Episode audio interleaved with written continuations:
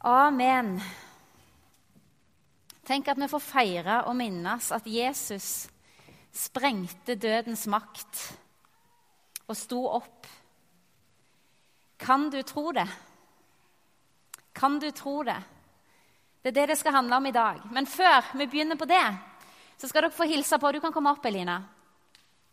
Eh, på de nye beboerne i Haugesund misjonskirke.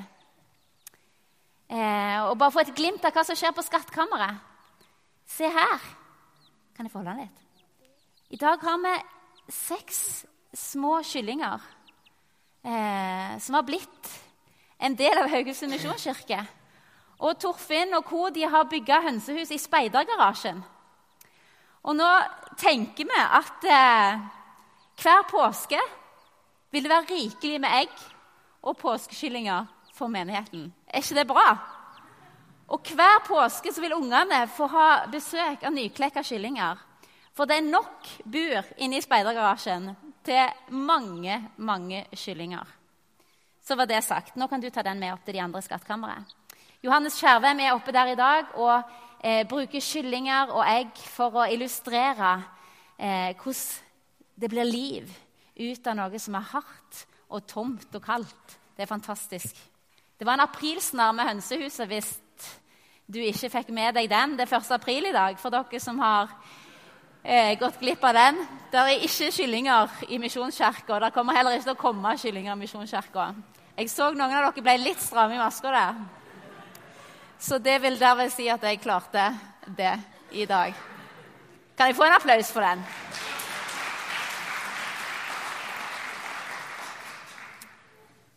Min sønn på ni kom springende inn når jeg sto på badet. 'Mamma, det er en ørn der.' Og jeg har sett ørn angripe hønene mine før, så jeg gikk selvfølgelig fem på. Det er 1. april. Når jeg gikk på bibelskole i 1999 og år 2000, så hadde jeg en bibelskolelærer eh, som gjorde inntrykk på meg. Han heter sir Ian Thomas. Han var både krigshelt fra andre verdenskrig, forfatter og teolog. Og Han var den som grunnla den bibelskolen jeg gikk på, som heter Capenray Hall. Torchbearers, fakkelbærerne, er det kalt. Og Han var der og hadde noen gjesteforelesninger. Og jeg glemmer ikke eh, når jeg satt på skolebenken, og han stilte dette spørsmålet Har du forstått hva oppstandelsen betyr. Har du skjønt oppstandelsen? spurte han. Og så sa han, har du ikke forstått det, så har du gått glipp av essensen i det kristne livet. Og jeg husker jeg satt og kjente etterpå at det har jeg forstått at Jesus er oppstått grunna litt på det der jeg satt. og jeg, jeg beveget meg. Ja, jeg har jo det. Men er det virkelig for meg? Er det, er det, lever det i meg at Jesus Kristus lever og er her, her og nå? Det gjorde inntrykk på meg fordi det rørte ved noe som jeg ofte syns er vanskelig å forstå og gripe. Jesus Kristus for 2000 år siden så døde han på et kors, ble lagt i en grav. Og så sto han opp igjen, lys, lys levende, på søndagen. Tre dager seinere. For er det ikke sånn, for min del så er det sånn at noen ganger, som Torfinn sa når vi sang 'Han er oppstanden', så slår det meg med all sin kraft at wow, det er jo sant. Og så noen ganger så kjemper jeg òg med tvilen. Kan det virkelig være sant? Og jeg tror ikke jeg er så veldig forskjellig fra, fra mange av dere som sitter her. At det noen ganger så er det vanskelig å gripe, noen ganger er det vanskelig å forstå og ta det inn over seg. At det sannelig Han er oppstått. Han lever.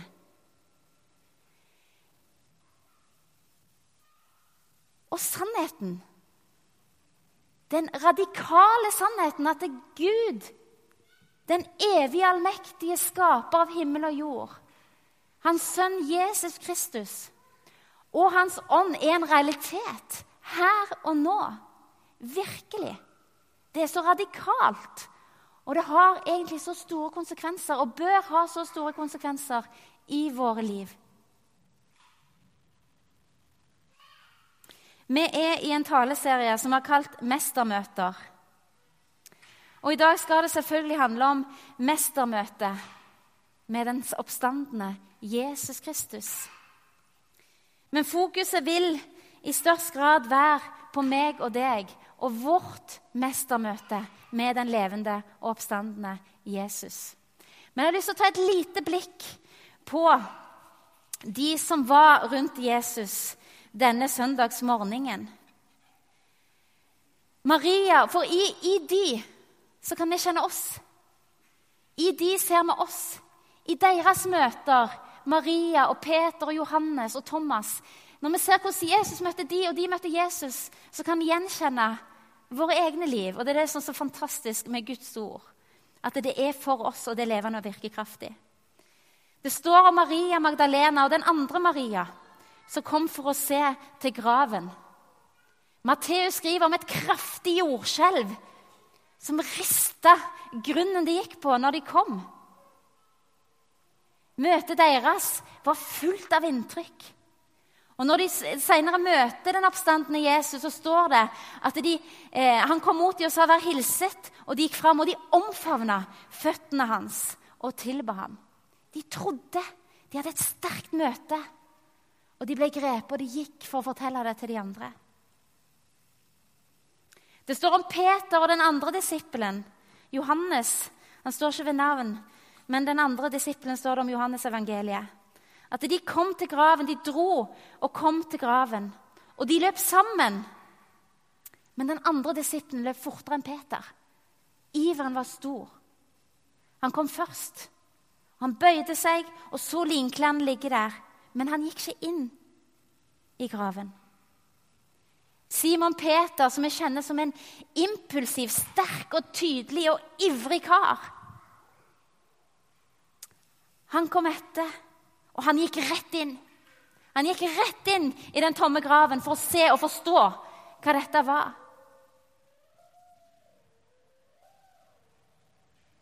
Han så linklærne som lå der, og tørkleet som Jesus hadde hatt over hodet.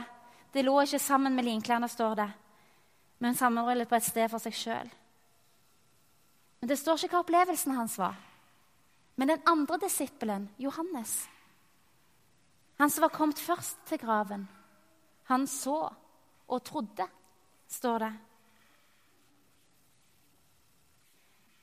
Kanskje kjenner du deg mest igjen i Thomas. Thomas som ikke var til stede den første gangen Jesus møtte disiplene samla. Når han stilte seg foran dem. Han som gikk glipp av begivenheten den første gangen. Han gikk glipp av det. Og som sier at om jeg ikke får stikke fingrene inn i sida hans eller i hendene hans, så, så, så, kan jeg ikke tro. Kanskje er du der at du kan ikke tro det. Det er for ugripelig. Det er for uforståelig. Men uansett hvor du er i møte med påskedagsbudskapet, og det faktum at Jesus Kristus er stått opp, han er levende Uansett hvor du befinner deg i møte med den oppstandende, så, er, så ligger det på Jesu hjerte at du skal få vokse i troa på Han og få leve i vissheten om at det er virkelig sant. Og det er ikke enkelt. Og jeg tror det er mange av oss som kjemper med disse tingene. Noen kan kjempe kanskje mest med likegyldigheten i møte med det budskapet vi er gitt, det livet vi har fått med Jesus. Det, det griper oss ikke så mye i hverdagstralten. Det er ikke så, det er ikke så viktig. Det er litt stua vekk. Mens andre kanskje ivrer og lengter etter å se at det skjer mer, at det flere kommer til å tro, at det flere blir satt i frihet, som Katrine snakker om. Blir frigjort i ham. Vi er på forskjellige steder rundt den oppstandende. Og jeg tror det ligger på Jesu hjerte at vi alle får se mer, forstå mer og gripe oppstandelsen. Og får vi ikke forståelsen for hva faktisk Jesus gjorde, eller hva som skjedde idet han ble reist opp, så går vi glipp av noe. Da har vi ikke forstått det, som Ian Thomas snakker om. Jeg tror Jesus lengter etter at vi skal få se mer og erfare mer. Og løsningen er ikke langt unna, tror jeg. Og vi skal se på to bønner som er bedt. Den ene eh, ble bedt på korstreet. En av de som ble korsfesta sammen med Jesus langfredag, sa denne enkle, lille bønn til Jesus. Husk på meg når du kommer til ditt rike. Husk på meg. En enkel og forsiktig bønn som fikk radikale konsekvenser. Fordi Jesus svarer han på denne lille, lille bønnen. Husk på meg. Det er i dag skal du få være med meg til paradis. I dag, i denne stund. Gud er så nær. Og Guds rike er så nær. De som ber, de får. bitte liten bønn som fikk en radikal konsekvens inn i evigheten for et menneskeliv.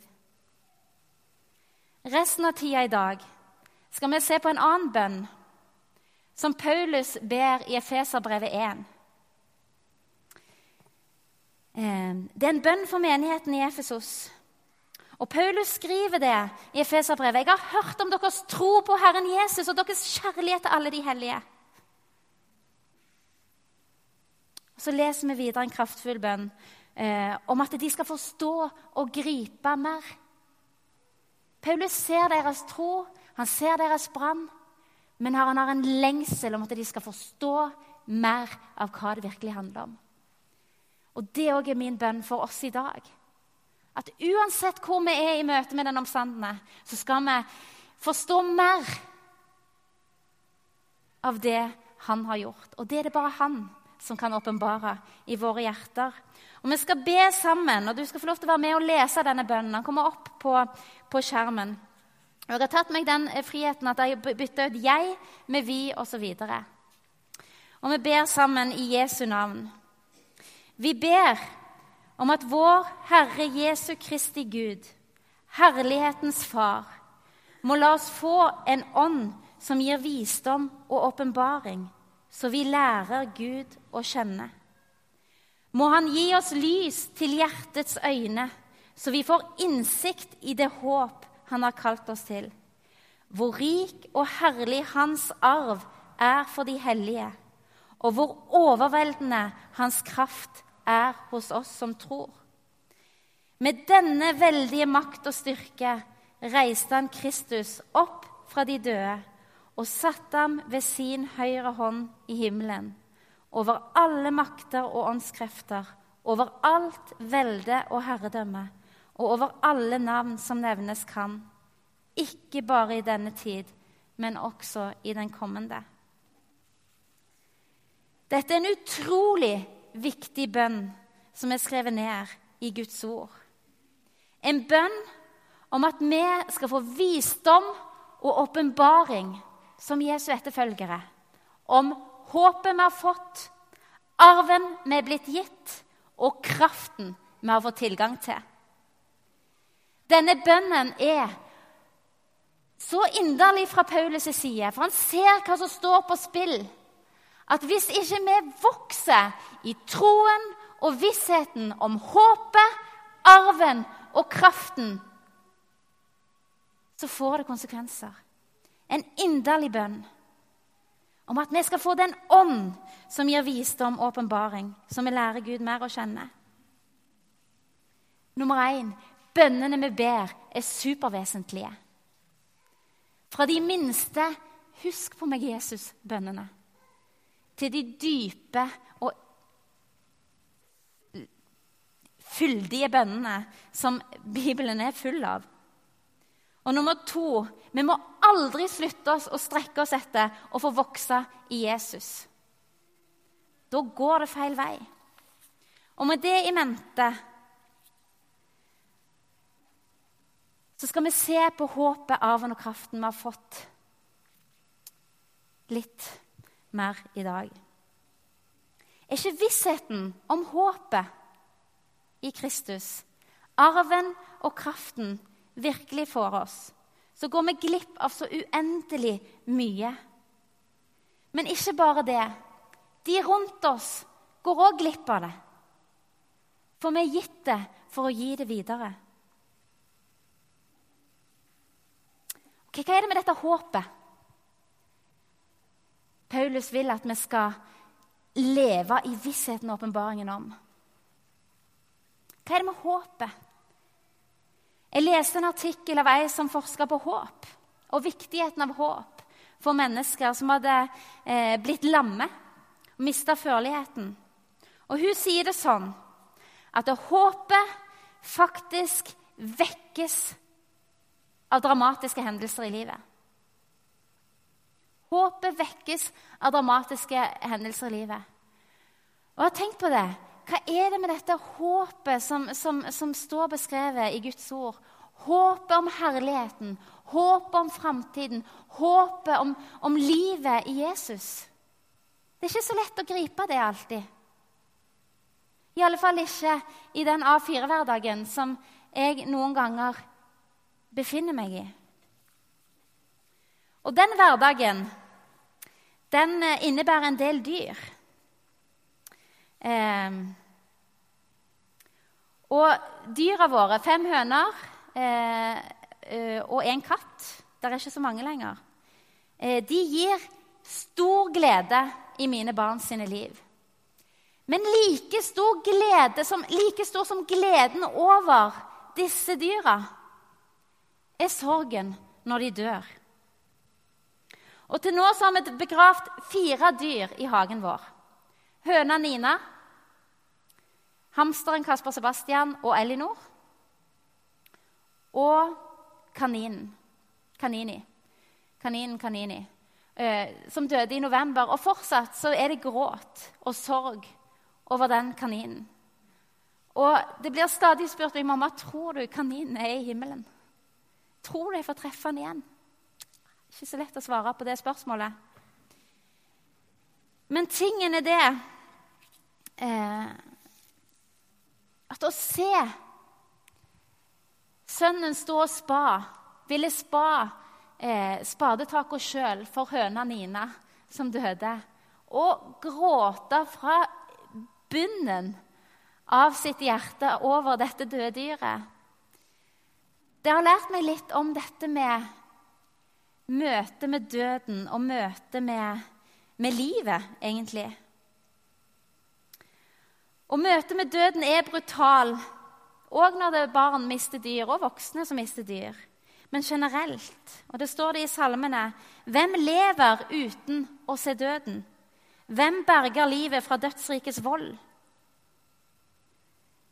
For døden er grell. Den er, den er skremmende, den er trist, og den er brutal og den er smertefull. Og Jeg har sittet på noen dødsleier opp igjennom når livet er i ferd med å ebbe ut. Det er så utmattende og det er så krevende prosess å være i.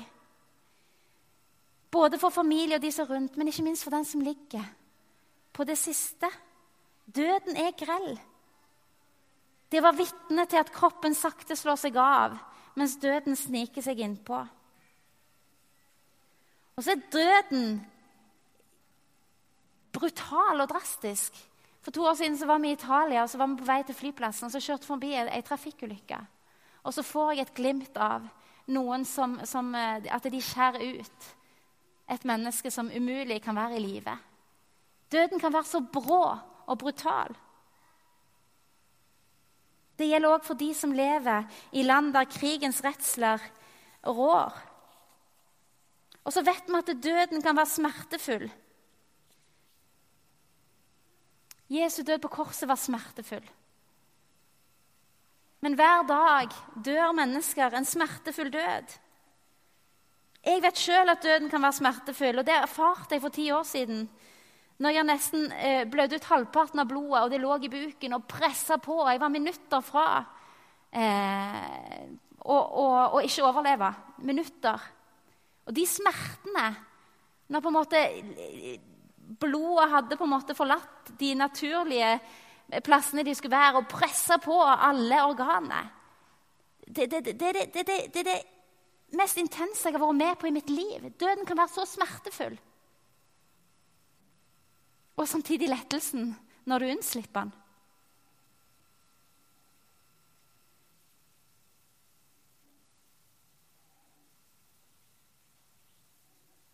Men vi er gitt et håp.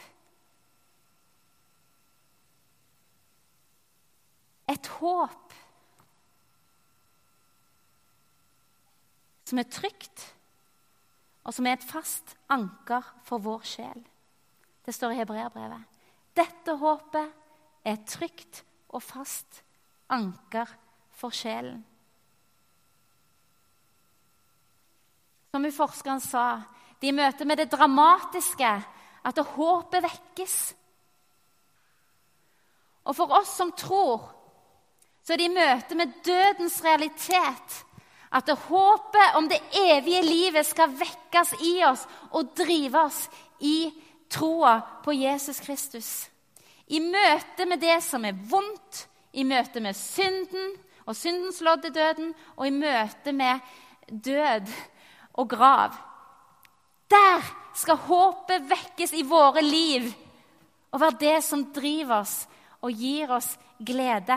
I 1. Peters brev 1,3 så, så, så skriver han Lovet være Gud, vår Herre Jesu Kristi Far, Han som i sin rike miskunn har født oss på ny til et levende håp ved Jesu Kristi oppstandelse fra de døde. Det er evangeliet. Og det er håpet vi har gitt. Han som i sin rike miskunn har født oss på ny til et levende håp. Et levende håp ved Jesu Kristi oppstandelse fra de døde. Det er håpet. Og det er det eh, Paulus på sine knær ber om at vi skal stadig få større visdom og åpenbaring om. Håpet i Han. Og min bønn for Skåredalen og Haugesund, for landet vårt, for verden,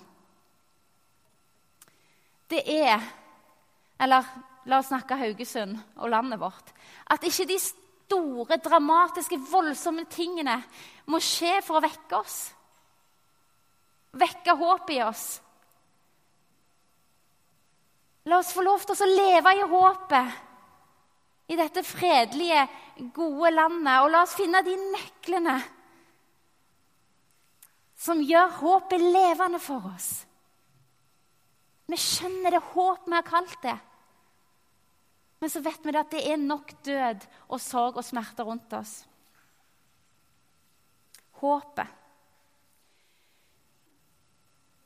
Bønnen om at vi skal forstå at vi òg er arvinger av Guds rike. Peter skrev videre eh, at, eh, at, vi er, at vi er født på ny til et levende håp og til en arv som aldri visner og forgår, som aldri skitnes til og aldri visner. Den er gjemt i himmelen for dere, dere som i Guds kraft blir bevart ved tro, så dere når fram til frelsen. Vi har fått håpet, og så er vi arvinger av Guds rike. Arvinger med barn som Guds barn er vi arvinger til det evige riket. Og disse to sammen, håpet og arven, peker framover det er nå, men det er òg der framme. Mot evigheten som vi skal være sammen med Jesus i. Håpet og arven viser oss noe om Guds evige rike, som vi allerede nå er en del av, men som vi skal få lov til, å, eh, til full forløsning der framme. Det går en vei mot framtida. Jesus har ikke kommet igjen, for han ønsker at flest mulig skal få lov til å eh, få erfare tro og liv. Paulus' bønn er at dette skal åpenbares mer og mer for oss. Og så kommer vi til den siste punktet i bønnen hans kraften. Hvor overveldende hans kraft er hos oss som tror, skriver Paulus. Med denne veldige makt og styrke reiste han Kristus opp fra de døde. Og denne tror jeg det er stor kamp om. For har vi ikke kraften, så har vi ikke livet. Og Paulus skriver også i 1. Eh, Korinterbrev 4.: For Guds rike består ikke i ord, men i kraft. Og det står det at samme kraft som Jesus ble reist opp fra de døde med, er gitt til oss som tror. Og Paulus sin bønn Dere skal få han med dere når dere går ut. Paulus sin bønn sammenfatter disse tre tingene. At vi må få visdom og åpenbaring, så vi kan skjønne at vi er gitt håpet og livet. Vi er, gitt, vi er arvinger, og som er blitt gitt samme veldige kraft som Jesus ble reist opp med. Og det er stort. Det er heftig. Det står òg om denne veldige kraften vi er blitt gitt ved Ånden. I dåpen ble dere begravet med ham, og i den ble dere også reist opp med ham, ved troen på Guds kraft, han som reiste Kristus opp fra de døde.